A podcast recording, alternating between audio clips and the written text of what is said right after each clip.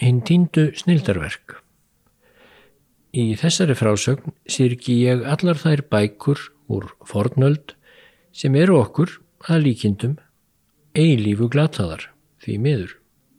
Þessi frásögn byrtist fyrst í frettablaðinu 21. desember 2013.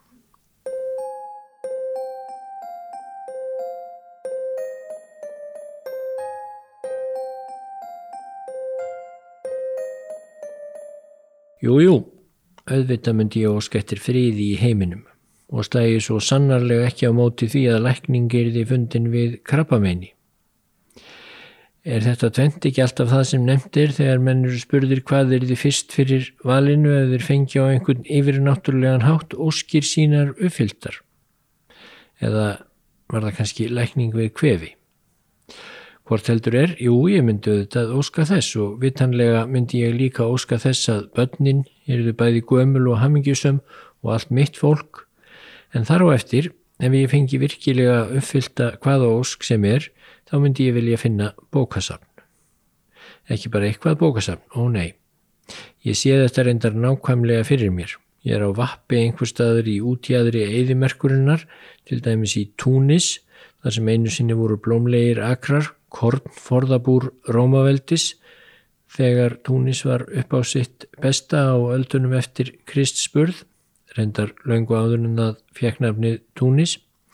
Þá voru þar ríkmannlegir búkarðar, þar sem nú vex valla stingandi strá, en þannig er ég sem satt á vappi utan í grítum sandtrauki sem virðist vera og allt í einu reynur undan mér annar fóturinn, það hefur opnast hóla í sandinum furðu stór hóla og stækkar ört og þangað fossar fingerður eðimerkur sandurinn en mér tekst að krafsa mig upp úr og svo sé ég um síðir að þarna hefur opnast op niður í einhvers konar helli og ef einskjæri forvitni feta ég mig þangað niður, niður í hálfu rökkrið, byrtað ofan skiljiði.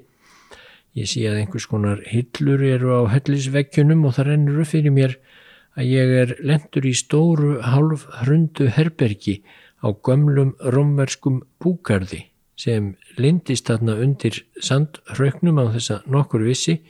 Eðimörkin hefur glift búgarðin fyrir mörgum öldum og á hillunum líka þarna reikfallinir strangar hver og ná öðrum og byrtan að ofan er rétt næjanlegt til að ég sjá að þetta eru bókfellsstrangar, já í hundraðavís, kannski þúsunda bókfell út um allt, meir og minna ósköttuð eftir að hafa verið lokuð inni í hátt í 2000 ár inni í þessu dimma og þurra niðurgrafna herbergi.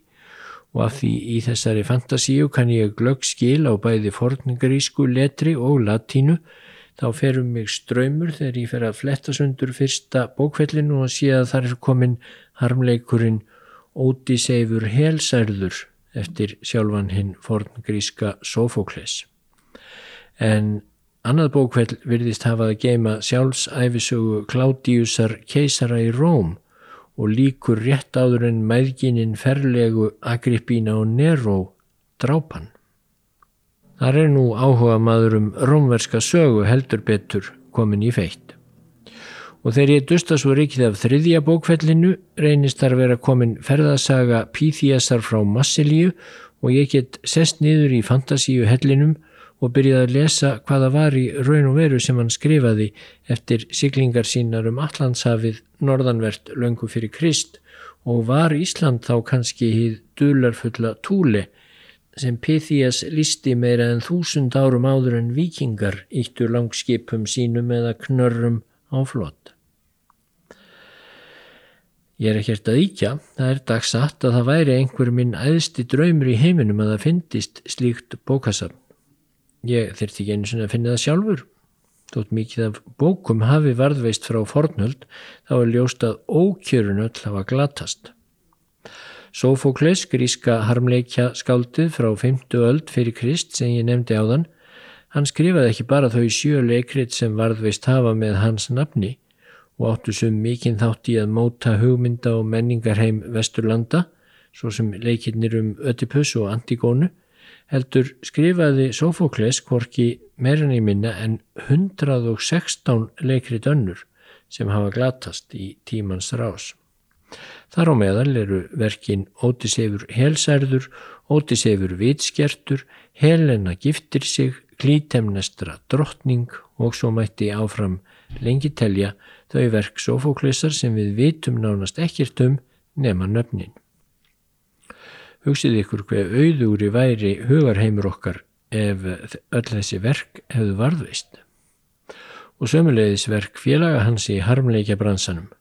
Við eigum þríleikin Óristegu eftir Eskilós og fjögur verk hans önnur en að minnst að kosti 83 önnur eru glötuð. Svo við fáum líklega aldrei að vita á hvaða djúpmiðum var Eskilós í verkinu Dætur Sólarguðsins eða þá Börnum Heraklesar. Nei, við fáum aldrei að vita það. Nefna þá ef svo ólíklega vill til að einhver reki í raun og veru löppina niður í hólu þar sem bókasafn leynist undir. Og það er ekki aðeins skáldskapurinn sem hefur glatast. Livius hétt einhver afkastamesti sagnarittari Rómverja Hann skrifaði sögu þjóðarsinnar frá stopnun Rómaborgar og fram á sinn dag en hann var uppi kringum Kristspurð. Sakfræðilega nákvæmni á nútíma vísu var vissulega all fjærri lífiusi en bækur hans er þó ómetanlegar bæði að fróðleik og mentun. Mest öll svo ógleimanlega mynd sem við höfum af herrferð Karþagómansins Hannibals yfir Alpana og inn á Ítaljuskaga, hún er til dæmis komin frá Liviusi og Livius kunni að dramatísera. Hann hætti ekki fyrir en Rómarsaga hans taldi 142 bindi eða bækur. En við eigum ekki nema 35. En hvilika skemmtun höfum við þá ekki ferð á misvið á öllum þeim díndu blaðsíðum í þeim meirinn 100 bókum sem díndar eru. Sömu sögu er að segja um annan frægasta sakfræðing Rómaveldis og kannski þann besta að nútíma skilningi Tacitus. Innan við helmingurinn af verkum hans hefur gemst. Hitt er tínt, ónýtt, sundur rifið einhver staðar, molnað í duft. Sömu sögu er að segja þegar vikur að heimsbyggiverkum. Við megum líklega að kallast heppin að eitthvað hafi varðveist miða við allt það sem hefur týnst. Theofrastos var arftaki Aristótelesar. Hann skrifaði 227 merk vísindaritt af öllu tægi. Aðeins þrjú eða fjögur þeirra eru til, allt heitt tínt.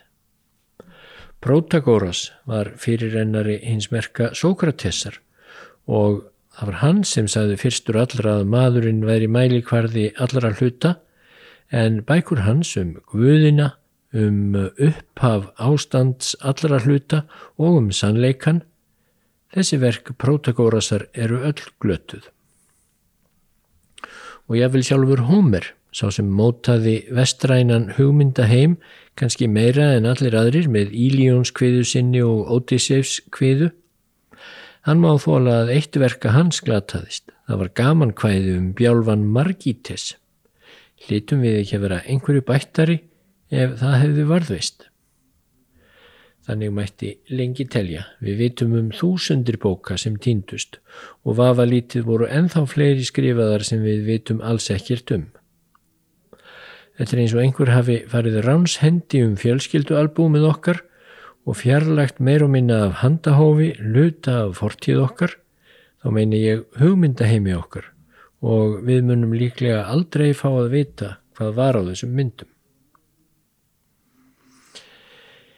Þeim mun þakklátari hljótum við nú að vera fyrir það sem þó hefur varðveist.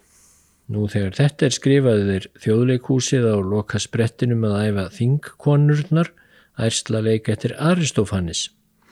Gamanleikja skáldið sem var samtíma maður Eskilosar og Sofoklesar.